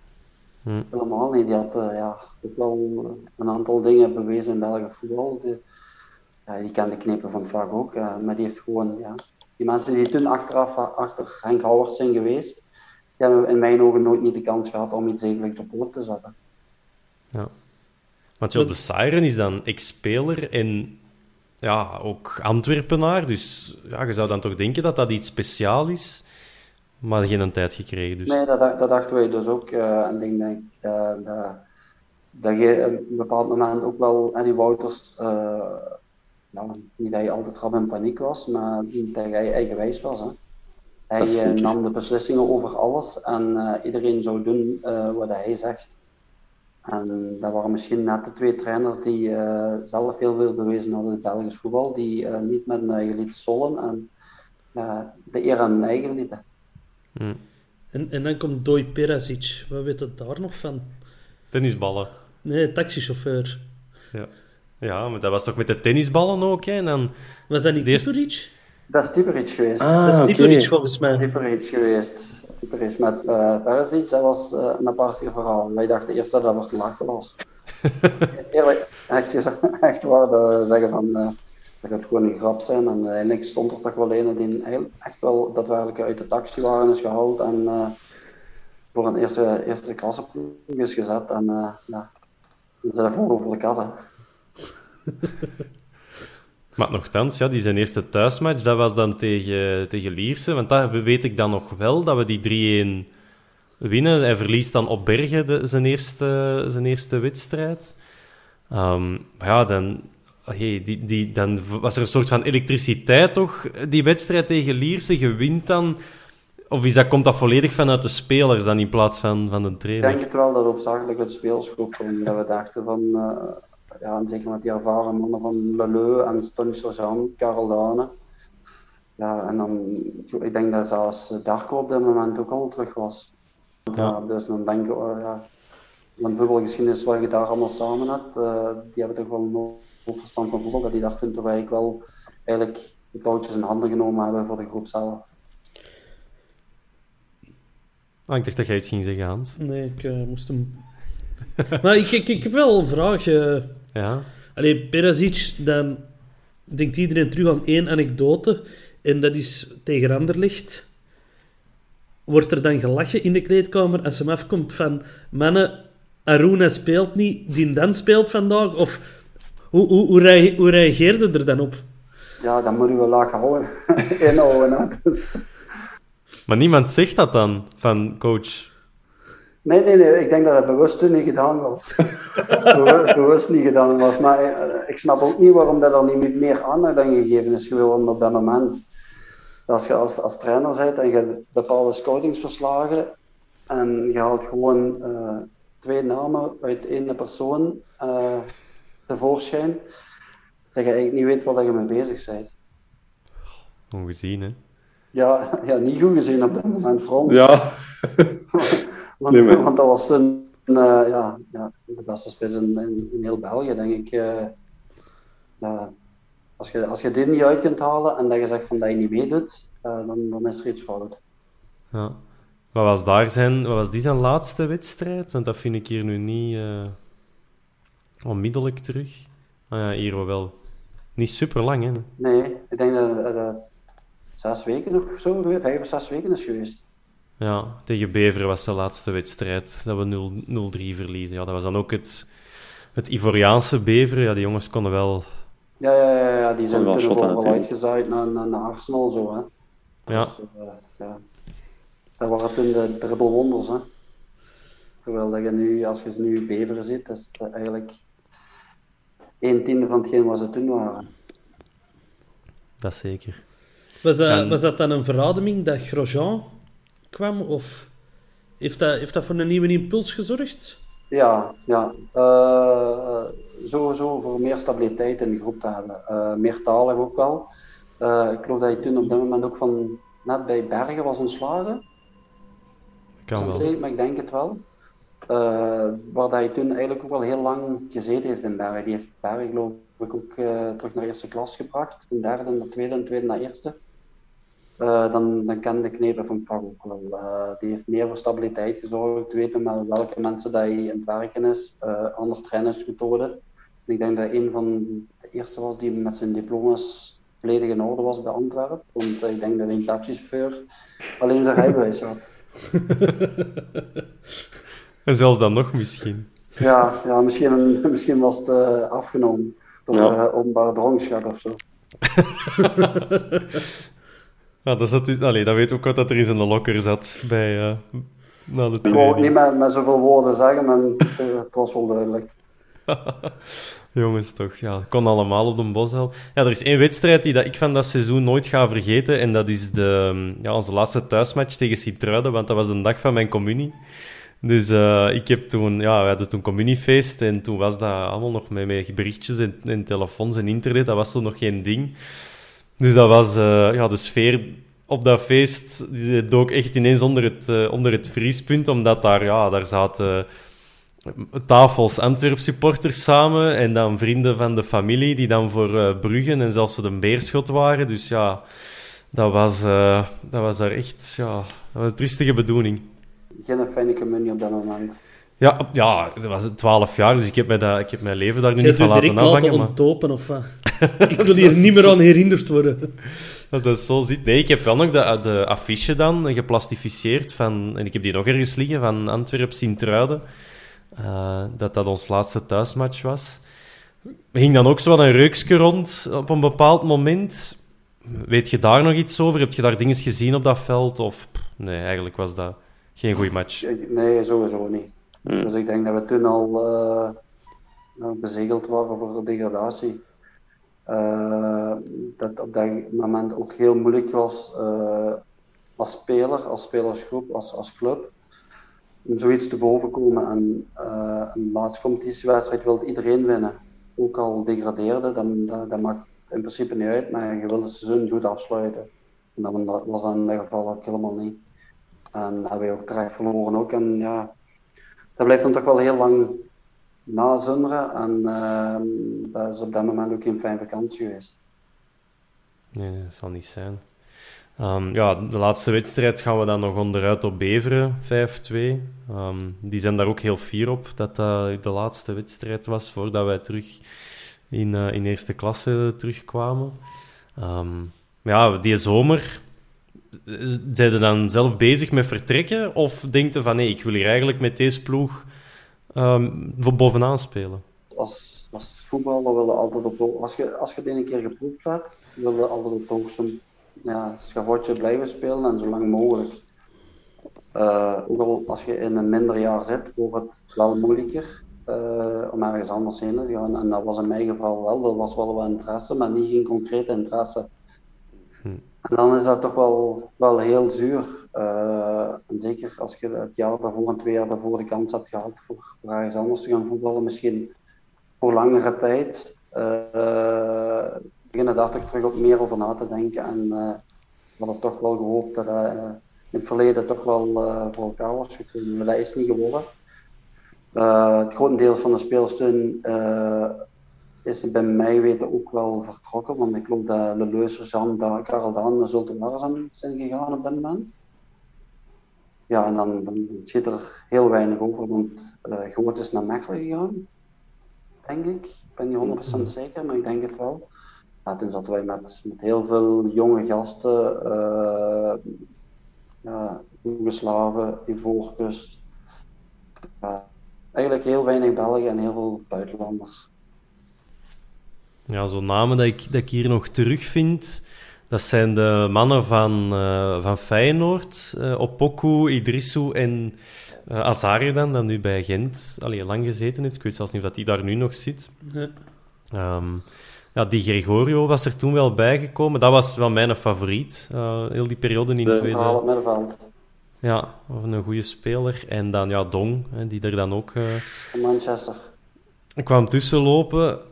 Ja, ik vond het altijd een rare spits, omdat hij precies wel... Ja, die wist heel goed de goal staan, Maar dat leek mij niet zo iemand, ja, dat is nu een vage herinnering meer, maar waar dat je veel aan had in zo'n wedstrijd. Hoe is die dan op training? Of, of is dat dan wel een voorbeeldige mentaliteit ook? Helemaal niet. Uh, de mentaliteit uh, van die speler was echt niet, niet, niet goed, helemaal niet. Dus uh, hij, hij, was liever lui dan, moet ik zeggen, super gedreven op training. Zo. Hij liep er altijd gewoon de kantjes vanaf. Maar hij had voordeel, hij kwam toen van Manchester. Uh, hij maakte elke week zijn golen. Uh, wij waren er goed mee. Dus uh, een, dus voor mij altijd een spits geweest. Als lang hij zijn golen maakt, hoeft hij voor mij niet te werken. Ja. Dus jij zou goed met Mbokani in een ploeg kunnen gestaan hebben? Ja, maar type vrij staat mij ook wel aan hoor. Dus ja. jawel, jawel, echt wel. Dat is iemand, ik heb hem nu zondag gezien. ja, ik vind dat ja, ja, complete spelen, ja, iets minder technisch, maar, maar je hebt er wel iets aan. Die weegt op de verdediging, die is altijd bezig. Maar ik denk dat hij wel heel complementair was met, met Bukani geweest dit jaar. Dus ik denk mm. dat je, als je die twee had langs elkaar kunnen zetten, dat je dat toch wel een vrij goed spitsen had. En dat je dan toch een, een vijf, zes doelpunten meer minstens had. Ja. Ik heb, ik heb nog een vraagje over dat seizoen in tweede klasse. Uh, waarom heb je eigenlijk tot dan gewacht om de wereld te laten weten dat je een vrije trappenspecialist bent? Dat klopt. Dat klopt. Ik, dat is juist. Ja, maar wij hadden toen in het verleden ook wel uh, ja, Tony Sozant en, en Patrick Koos, die waren er gewoon onbekend. En uh, die waren op dat gegeven moment ook niet meer. En, ja, en ook wel eens een stap naar voren te zetten. En, een beetje meevallen, dan gaat je er een paar keer in. En, ja, toen heb ik toch een aantal getrapt en ja, dat heeft uh, ook wel mooie beelden opgebracht. Ja, want ik, ik weet, de eerste keer, allee, dat heb ik opgezocht, dat was tegen Hammett thuis. Ja. Maar vanaf dan weet ik, elke thuismatch, maar dat is zo de periode, vanaf dan ben ik echt elke thuismatch komen zien. Dan was het elke keer, elke vrije trap, heel de twee, Pinky, Pinky. En dan een paar weken later knalde er een binnen van nog verder, hè, van, van 30 meter of zo. Aha. En dat is uh, telkens op dezelfde goal geweest. Hè? Ja, elke keer ja. kant Merksem. Ja. Je gaat iets met die goal. Dat was, iets, dat was iets speciaals, denk ik, die kant.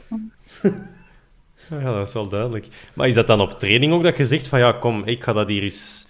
Ik ga dat hier, eh, zet hier eens allemaal... Die Gregorio zet eens een stap opzij, want ik ga er ook eens trappen. En ja, in de wedstrijd komt dat dan ook. En je trapt je eerste of in tweede binnen. En zo een beetje dat was ervoor ook al. Ik stak er wel wat tijd in met Goed samen. Dus uh, wij bleven ook altijd na de training uh, gewoon ballen trappen op een goal, terwijl de rest in was. En naar huis waren, waar wij nog ballen trappen op een goal. Dus dat heeft wel al gerendeerd op termijn dan. En uh, op training toen we in tweede klas hadden, toen, ja, is dat een paar keer te sprake gekomen. En zijn we daar meer en meer tijd in beginnen steken. En dan ook meer varianten. En we bepaalde spelers die we daarvoor kosten gebruiken. En ja, dat dan bij mij op die momenten wel mee zit, is wel, wel goed voor, voor mij op moment.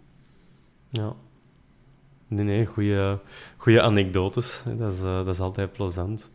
Um, ja, het laatste van, van dat jaar dan zeker. Vertrekt je dan ook wel naar, naar Schotland? Einde contract. Hoe komen ze in Livingston bij Harald Pinkster terecht? Ja, die zijn een aantal keer komen kijken in de tweede klas toen. En uh, dat was een club die had jaar daarvoor Europees voetbal gespeeld. Uh, en die waren toen nog versterking in het zoeken, echt wel versterking, maar dan in de breedte. Ik had nog niet gedacht van ja, ga je daar aan de bak komen of niet. En, uh, eigenlijk transferspelers, dat, die jaren hadden ze heel graag transfervrije spelers. Terwijl dat ze nu eigenlijk liefst betalen voor spelers dat ze zeker zijn dat ze naar hun komen. Hm. Maar uh, ja, ik ben er toen een week op, op stage geweest. Uh, toen ben ik mee in Livorno geweest, ook op stage met hun. En toen is daar alles in orde gemaakt dat ik daar uh, voor één jaar voorlopig met een optie kost blijven. in de winterstop had ik toen de mogelijkheid om naar Livorno zelf te gaan, naar Italië. Met hetzelfde verhaal met de voorzitter, dat was toen een Italiaanse zakenman. Die stak daar een stokje voor in Schotland een Italiaanse zakenman als voorzitter. Ja, dat was eigenlijk, moet ik zeggen, zijn uh, Playhouse, zijn speeltje. Ja. Die runde die club, ja, die had eigenlijk eh, mensen die daar voor hem eh, werkten. En eh, ja, hij deed daar met zijn geld wat hij wou en eh, hij had gehoopt daar nog eh, meer geld te verdienen. was. Hm. En uiteindelijk is er niks van gekomen, want ja, daarop ben ik terug naar Rommel gegaan. Dus. ja. En Nee, was, dat was dat een mooi seizoen in Schotland? Ja, sowieso voor de sfeer, voor, voor het land ook. Hè. Eh, het is een heel mooi land. Eh, de mensen werken daar zes op zeven. Eh, die gaan tot zaterdags twee uur werken en dan kruipen die de pub in en dan komen die in de match en dan ja, slapen die tot zondagavond bij wijze van spreken. En dan gaan die 's maandags terug werken. Dus qua en alles eh, was dat echt wel, echt wel een mooie ervaring. Want ik weet nog, toen, toen dat je in Livingston speelde, dan was ik lid van het Harald Pinkster Fanforum. En dan, dan volgde ik dat zo wel, wat er gebeurde. En er zijn ook eens een paar gasten van de Antwerp nog hinder gegaan, dacht ik. Ja, daar zijn ze vijf keer met een bus geweest, ja, dat klopt. Oké. Amai. Ja, ja, dat die afkwamen, eh dan vertrokken die vrijdagavond, dan spelen wij zaterdagsmiddags en dan waren die zondagsmorgens terug in Antwerpen of in, of in Rotterdam, ik weet niet waar dat ze van een boot afgingen. En dan hadden die een weekendje voetbal gehad. Ja.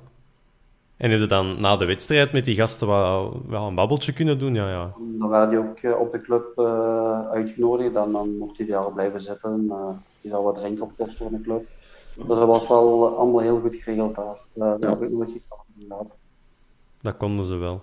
En zo met, ehm, met supporters in het algemeen, ja, je hoort zo wel verhalen van spelers dat die eens op café ging. Allee, op café niet, maar zo supportersavonden en zo. Hoe was uw, eh, uw band in het algemeen met, ja, met mensen van Antwerpen? Ja, ik had sowieso, ik was ik Peter van de Polder Boys op dat moment. Eh ja, daar probeerde ook zoveel mogelijk heen te gaan na de wedstrijd. Zij bleven dan ook hangen. Eh, ik vind, als dat je een, een peterschap hebt over een sportsclub, waar dat eigenlijk, eh, denk anderhalf bus altijd eh, bijna naar, naar Antwerpen ging kijken, denk ik dat je ook wel iets terug moet doen als zij vragen.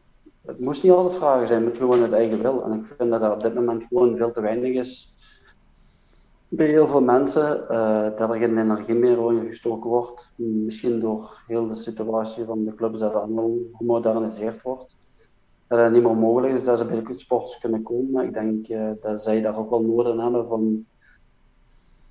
Zij moeten de hele week keihard werken. Wij gaan die jongens, eh, naar die jongens kijken. Eh, wij vinden ook het fijn dat die jongens naar ons komen. Ah, ja. En ik denk dat je dan ook wel eh, een bepaalde band met die, die mensen schept, waar dat je heel lang wat plezier kunt hebben. En dat je dan ook niet afneemt, want daar, daar ja, krijg je ook heel veel van terug langs de lijn ook. Dat respecteren ze ook enorm. Met welke speler van de huidige kern zou jij eens aan een toog willen hangen? Dat is er maar één. Dat is Rachel Laat, dat weet ik. Ja, die kent je al natuurlijk. Maar iemand dat je nog niet kent of zo? Ja, Birger Maartens denk ik ook wel. Verstraten. Ja, of Ja. Birger Verstraeten. Sowieso. Eh, ik denk dat dat ook wel een type is eh, die het voor, van zijn werk moet hebben. Eh Goeie voeten, hè. alsjeblieft. Goeie voeten ook, hè. Zijn vrije trappen in zijn corners kunnen er wel eens zijn. Echt wel. Ik denk dat eh, er zijn een aantal jongens bij waar ik denk van eh daar wil ik wel samen mee op café gaan. Maar dat moet langs twee kanten komen. Hè. En eh, er zijn er toch ook wel bij dat ik zeg van daar wil ik niet meer op café komen, want dat loopt misschien een keer af. Dat moet ook niet dan, hè. Ik bedoel, als je... Nee, nee, helemaal niet, helemaal niet. Dus eh, ik heb ze met het interview met Richard Laat met van, van het laatste nieuws, eh, ben ik zelf in het stadion geweest en heb ik ze ook allemaal gezien. Zagen ze ook allemaal eh, vriendelijk goeiedag, dus terwijl er daar speciaal, specialetjes tussen zitten, dat je denkt van, daar had ik nooit niet mee samen willen voetballen, want die geraakte geen grond op training. en dan ja, ik ben heel eerlijk en eh is een Lamgazé, ja, daar heb ik heel veel moeite mee met zo'n mensen. Maar Ja. eigenlijk, in principe krijgt hij, eh, eh, in België heeft hij heel veel aandacht gekregen. En nu, waar hij nu zit, in Westen, en, Slowakije zeker? ja, ik weet niet welk land, daar krijgt hij helemaal geen, geen, geen aandacht. Eh, daar is hij een beetje in de vergeet ook. En daar is hij wel heel belangrijk voor, voor de club, voor de, voor, voor zijn eigen ook, want hij zei ook van, ik ben helemaal zen geworden. ja, moet je dat niet geloven? Dat weet ik niet, maar... Uh... Hij heeft dan wel een wedstrijd gemist, omdat hem uh, een Brazil gaat op training met een ploeggenoot. Dus, uh... Ja, die kantjes zal je nooit niet, niet verleren. Hè? Nou, iedereen heeft wel zo zijn momenten, maar het is een jong die, die heel graag in de aandacht staat. Maar als je hem geen aandacht ja, geeft, dan ja, verdwijnt hij ook een beetje. Dus, ja. dus dat hij in de toekomst misschien ergens anders ligt, ofwel zal hij zijn eigen moeten gedragen en terug uh, geaccepteerd worden door, door Antwerpen, door sporters. Want ik denk dat hij daar ook wel heel veel uh, schade heeft toegezegd. Ja, sowieso. Ja, je hebt het daar net al een beetje over Dong gehad. Ja, Omar Moussa, dat was dan ook zo een, een speciale tip. Zijn dat zo de twee mannen die er in uw periode op de bos al bovenuit steken qua hoeken af? Nee, uh, Alexander Klak en Persis heb ik ooit uh, tafereel eens doen na de match. Dat ik denk, ja, dat die zullen elkaar uh, de kop inslaan. Allee, zeg. Ja, ja, zeker en vast. Dus ik heb daar uh, geweten dat ze daar met twee massagetafels in elkaar staan te gooien. en, en, de posturen zelf denk ik ook wel tegen een beetje voor ogen kunt, kunt zien. Ja, ja. De ene die 2 meter was en de andere was een meter 50 breed, dus vol spieren. Uh, ja. Die hadden toen ruzie, waarover, dat weet niemand niet twee verschillende nationaliteiten. Dus uh, daar ging er wel even heftig aan toe. Daar hebben ze verschillende verbouwingswerken in gehad. En uh, het hele medisch kabinet. dus ja, ja, oké. Okay. Ja, van de klak zou ik dat precies... Maar is hij geen cafébaas ook geworden? Of, of heeft hij... Nee, een... dat is, uh, die is buschauffeur geworden bij de lijn. Ah, oké. Okay. Ja. Dat is een veilige bus, hè? er gaat geen ambras op zijn op die bus. Maar ja, ja, hm. dat was altijd wel wat te beleven op Antwerpen. Ik heb gezien dat ze daar de deur van de auto afrijden. Er ruzie was tussen twee spelers en ja, de dag erop stonden ze terug samen op het veld. Ze waren weer een lachen. Dus... Kon allemaal. Ja, Limburgers of België op dat moment ja, heel braaf en ja, heel gedisciplineerd. Hè. Ja. dat die jongens die komen van een ander land, die trekken zich van niks aan en die doen maar. Hè. Ja, blijkbaar Berend Evers kon er ook wel wat van. Ja, die, die net zo'n speciale kantjes die. Ja. Dus uh, ja, die had met Vlagen ook wel zo van die uitspattingen, maar dat was heel rap vergeten bij hem. Ja, ja, ja voilà. dat heb je dan als je ook nog eens je kop ervoor ligt in het weekend. Dan, uh... dan, dan bouwde ik wel heel wat krediet op ook wel. Hè. Terwijl dat, hetgeen waar die anderen allemaal uitstaken, dat het ook wel uh, ja, patches te boven ging eigenlijk ja, ik, weet ook nog van die, die mannen van, uh, van Beveren ook. Hè, die, die, ik denk dat dat die Romaric was. Die hadden dan zo van die leasing- of huurwagens van, van Evis. En ja, als papa werkte daar toen. En die zei, ja, wij zijn zo'n auto moeten gaan halen in het zuiden van Frankrijk, want die had die verkocht, is een leasingwagen. En ja, dan hadden ze die getraceerd tot in het zuiden van Frankrijk. Ja, zo, ze staken die mannen allemaal uit, hè. die trokken eigenlijk allemaal niks van aan. Ik denk dat uh, in Antwerpen op die, op die tijd ook wel niet vreemd was dat zo van die tafereel gebeurde. Dus ja. uh, alles weten daar toch niet van, die hebben hun eigen leven ook wel. Dus, uh, maar die kennen de duistere kantjes van het nachtleven ook wel, die mannen. Ja, ja. Ah, ja, voilà. Maar kijk, als ze dan deliveren in het weekend, dan is het allemaal zo erg niet. Um, we hadden ook, al, hadden ook al gevraagd of dat je terug naar de Antwerp gaat kijken, maar daar komt nu misschien wat meer tijd voor. In uw afscheidsinterview had je het ook wel, uh, had je ook wel laten vallen dat je iets wilde doen in en rond het voetbal. Gebeurt daar nog iets rond of is dat eigenlijk volledig aan de kant gezet? Momenteel niet, dus uh, ik vind het nu goed zo. Ik krijg mijn tijd goed ingevuld. Ik heb meer tijd voor mijn gezin, voor mijn vrouw. Uh, wij doen hobby's samen, we fietsen samen. Dus uh, dat is iets wat we niet samen hebben kunnen doen. Dus uh, die tijd die ik eigenlijk mede door corona eh, en het stilvallen van voetbal heb leren kennen, is gewoon heel belangrijk geworden voor mij. En ik zeg wel, ja, ik heb een aantal mogelijkheden gehad in het voetbal, op korte termijn al. Maar dat was gewoon in mijn ogen te vroeg. Uh, en uh, in mijn geval is het ook gewoon het totaalplaatje moet kloppen. Voor leer dat ik in een nieuw verhaal stap. Want uh, de tijd die ik niet gehad heb met mijn vrouw, die wil ik nu ook wel eigenlijk goed maken van het verleden. Dus zij heeft heel veel tijd voor mij moeten opofferen.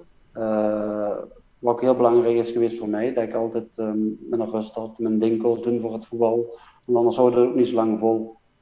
En dus ik ben wel een beetje verplicht van mij naar hart toe om ja, tegenovergestelde richting ook wel uh, wat terug te doen.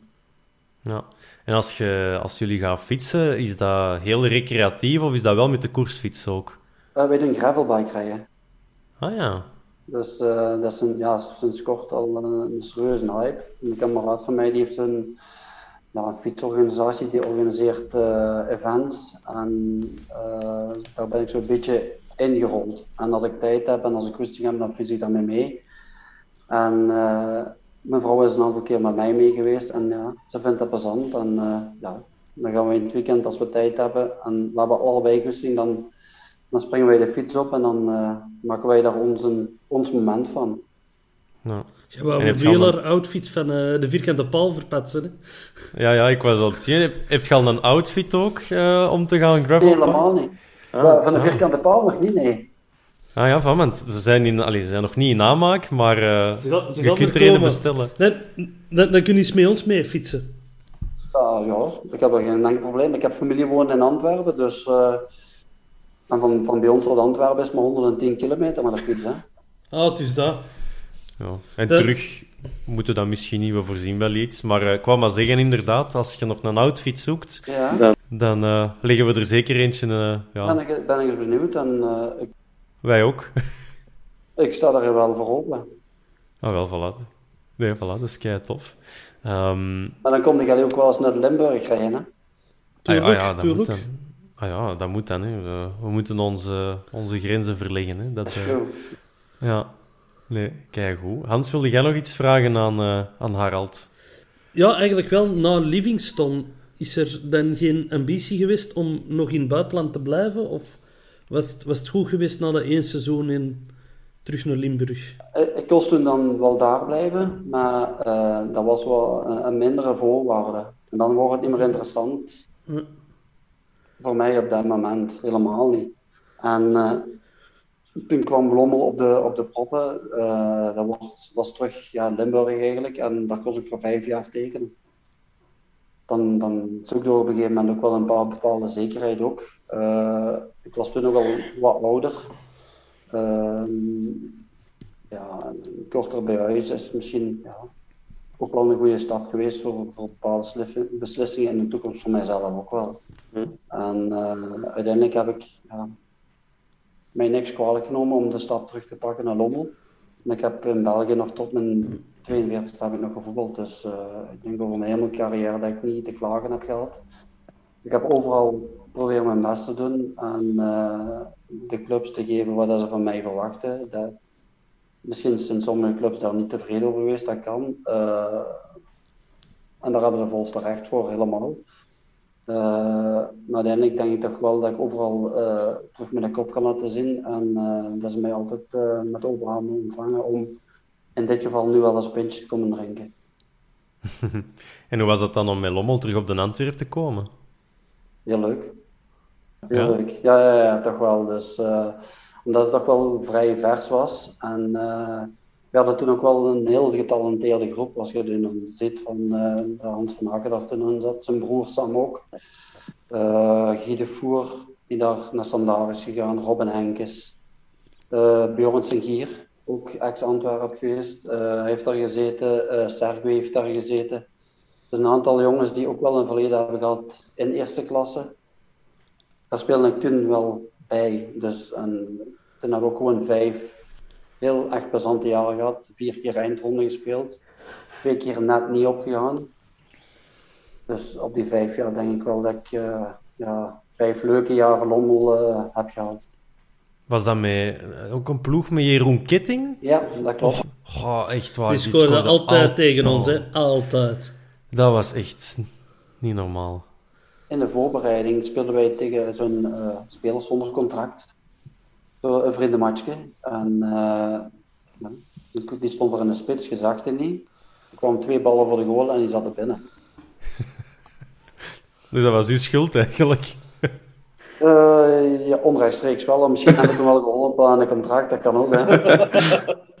dat is waar. Dat kan Nee, ook. maar, dat, is een jong, dat is, eh, die kwam toen bij ons bij de groep, ook een hele gewone, die kwam van ja, dieper in Holland, eh, bij ons in Limburg. Dus ja, die maakt er 20, 25 op een jaar. En als je zo een in de groep hebt, en dan een paar van die voetbaltechnisch goede spelers, like Henkes en De Voer, ja, en, en, en Hans van Aken. Dat is gewoon een, ja, een geschenk eigenlijk, om dan nog eh, een beetje, eigenlijk op hun terugweg mee kunnen samen te spelen, omdat zij nu een toekomst gemaakt hebben.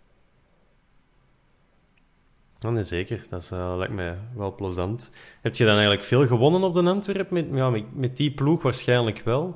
Ja, ik geloof dat wij daar, eh, bij mij weten, twee keer gewonnen en één keer gelijk hebben gemaakt. Ja. Maar thuis, thuis hadden wij het altijd moeilijk. Ah, ja. Dat dat was op een gegeven moment zelfs meer spots van Antwerpen als van Lommel. ja, dat wel. Het was meer een thuismatch eh, voor Antwerpen als dat wij in Lommel hadden. Maar dat maakt niet uit, want dan was er altijd eh sfeer gegarandeerd. Ja, dat sowieso. Herinnert jij niet, ependarische, niet, maar legendarische wedstrijden of epische wedstrijden op Lommel, eh, Hans? Ja, maar ik weet niet of dat Harald toen meespeelde, maar we zijn er eens 0-1 gaan winnen met een kopbalgoal van eh, Oris. Dan hebben ze, dat, was in het begin van heel, dat was in het begin van het seizoen, dan hebben ze een extra vak moeten open doen. En eh, daarna zijn we naar Pukkelpop vertrokken en eh, dat was één groot feest op Pukkelpop, maar de dag daarna, dat was de editie van de Storm, dus ik, ik herinner me zo dat, dat gegeven nog wel van totale euforie op Lommel, begin van het seizoen gaan winnen naar... Maar ik denk dat dat juist één of twee seizoenen daarna moet geweest zijn. En dat klopt, want toen zat ik eh, in Nijlen. Hm. Toen was ik eerst tussenstation in Pelt geweest en toen ben ik eh, naar Nijlen gegaan. Ja. En ik denk dat dat toen dat jaar is geweest. Ja. Maar Nijl, dat is toch ook provincie Antwerpen? Dat is, dat is toch ook, eh, ah, dat is toch ook even bollen dan? Ik ben helemaal verkeerd. Ik ben toen in Oosterzone gegaan, sorry. Ah ja, dat is Kempen, ja. Ja, ik heb bij Oosterzone gegaan. Eh Heb ik drie jaar gezeten, heb ik twee promoties meegemaakt. Eh, en toen hebben wij eh, een heel, heel moeilijk moment gehad eh, hier in het gezin met een ongeval van de kleinsten. En eh, heb ik toen ook op het punt gestaan om te stoppen met voetballen. En eh, ja, eigenlijk midden augustus kreeg ik een telefoon van een hulptrainer die toen in Oosterzone gezeten had. Die ging trainer worden in Nijlen. Omdat ik eh, toch goesting had om nog wat te voetballen.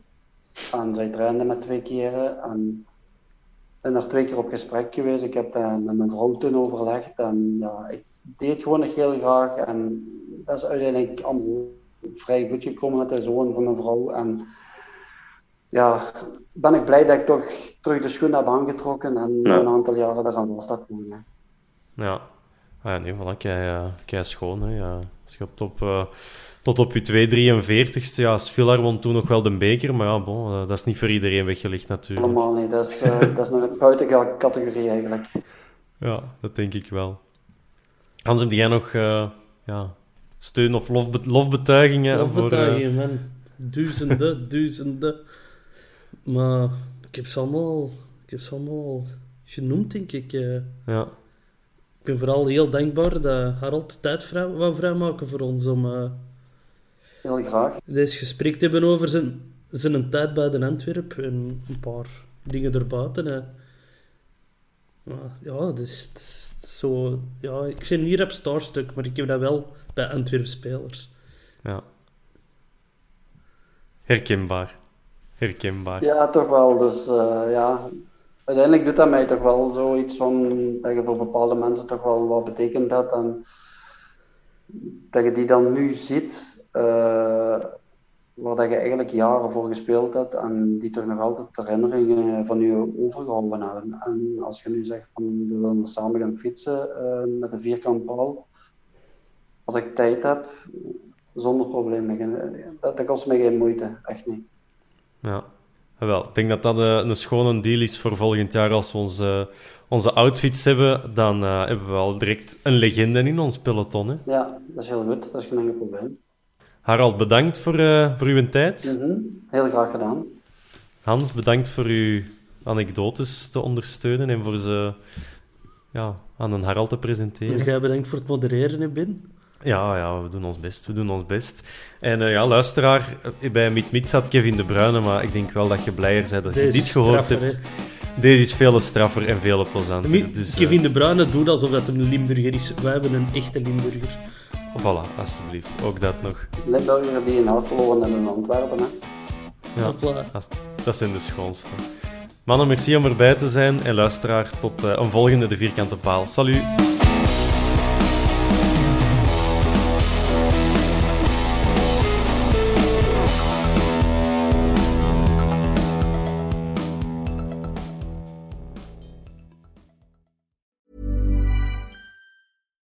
Deserves the best, and there's no better place to shop for Mother's Day than Whole Foods Market. They're your destination for unbeatable savings, from premium gifts to show-stopping flowers and irresistible desserts. Start by saving 33% with Prime on all body care and candles. Then get a 15-stem bunch of tulips for just $9.99 each with Prime. Round out Mom's menu with festive rosé, irresistible berry chantilly cake, and more special treats. Come celebrate Mother's Day at Whole Foods Market. Even on a budget, quality is non-negotiable. That's why Quince is the place to score high-end essentials at 50 to 80% less than similar brands. Get your hands on buttery soft cashmere sweaters from just 60 bucks, Italian leather jackets, and so much more. And the best part about Quince, they exclusively partner with factories committed to safe, ethical, and responsible manufacturing. Elevate your style without the elevated price tag with Quince. Go to quince.com slash upgrade for free shipping and 365-day returns. Planning for your next trip? Elevate your travel style with Quince. Quince has all the jet-setting essentials you'll want for your next getaway, like European linen, premium luggage options, buttery soft Italian leather bags, and so much more. And is all priced at 50 to 80% less than similar brands. Plus, Quince only works with factories that use safe and ethical manufacturing practices. Pack your bags with high-quality essentials you'll be wearing for vacations to come with Quince. Go to quince.com slash pack for free shipping and 365-day returns.